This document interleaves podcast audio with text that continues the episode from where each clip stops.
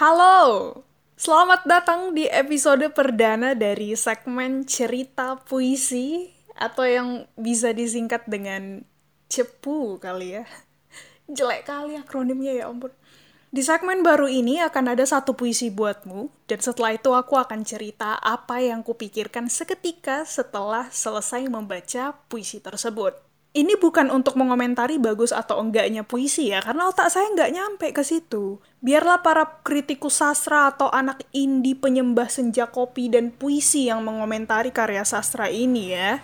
Di sini sudut pandangnya dari orang awam. Aku sebagai pembaca biasa lah.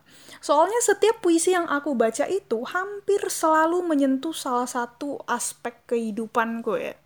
Dari situ biasanya akan terputar ulang ingatan kejadian, kenangan yang pernah dialami mungkin, dan mungkin itulah yang pada akhirnya membuat seseorang itu bisa relate dengan puisi yang dia baca. Gimana relate-nya?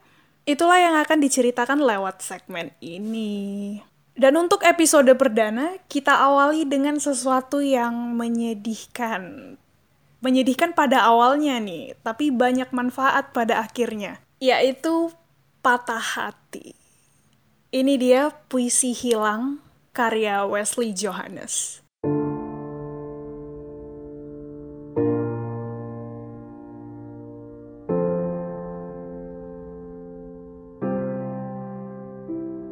Sesuatu harus kurelakan pergi.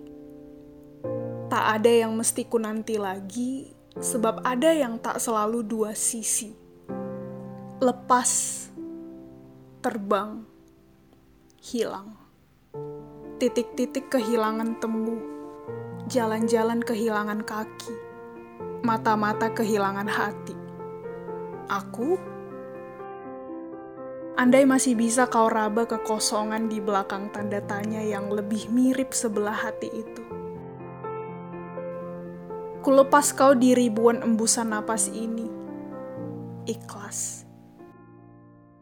meski di dadaku bertebaran daun-daun sepi yang harus kusapu setiap pagi atau malam hari.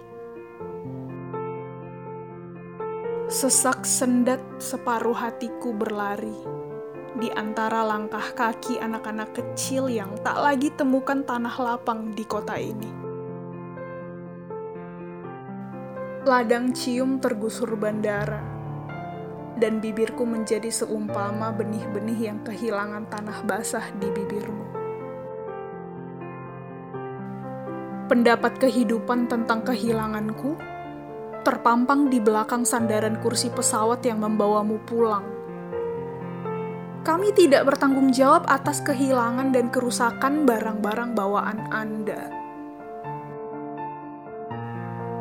Kuraba dadaku sesuatu hilang, sesuatu retak, sesuatu harus kurelakan.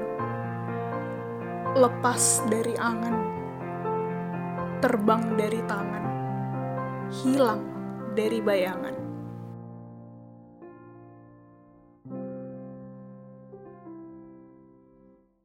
Separuhku luruh, tetapi hidup masih di sini Ada yang harus kurawat dan kucintai supaya kembali utuh.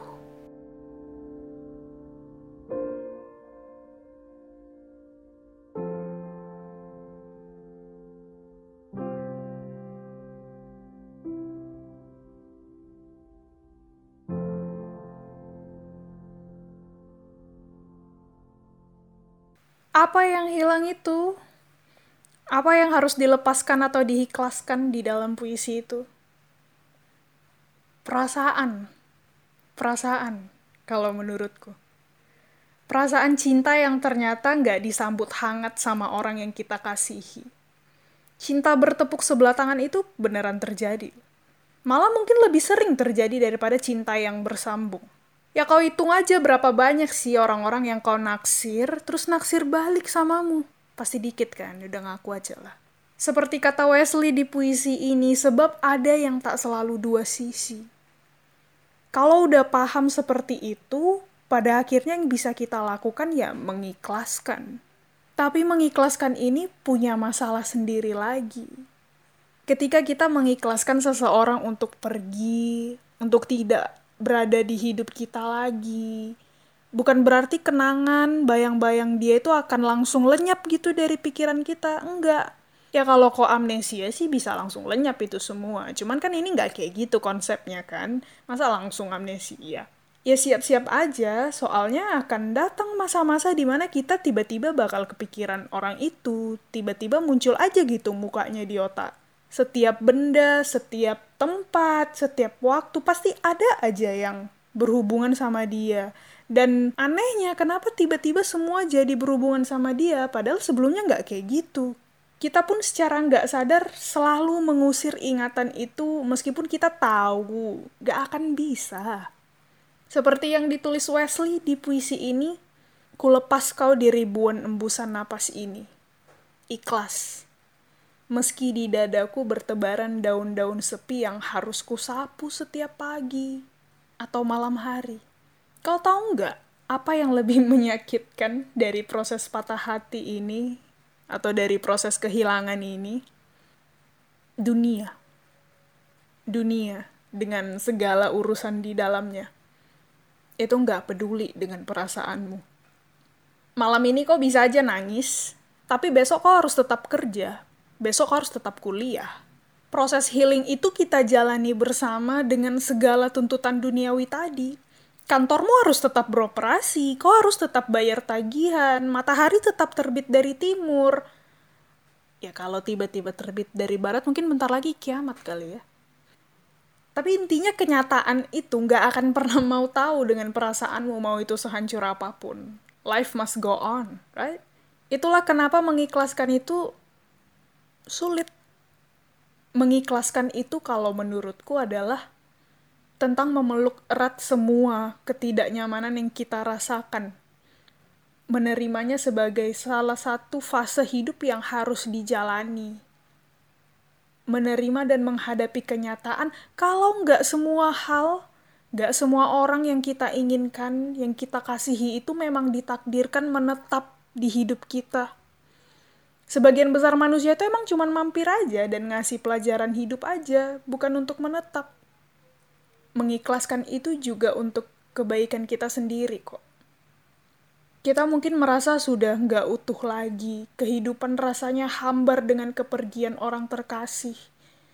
Tapi satu hal yang harus selalu ada di hati kita, ada atau tidaknya orang itu kita tetap utuh sebagai manusia. Dari awal udah seperti itu. Orang itu nggak akan bisa menghancurkan hidup kita kecuali kita yang mengizinkannya dia nggak mendefinisikan hidup kita. Kita sendiri yang akan menata kembali masa depan. Hati kita akan kembali sembuh. Cepat atau lambat bukan jadi masalah ya. Take your time.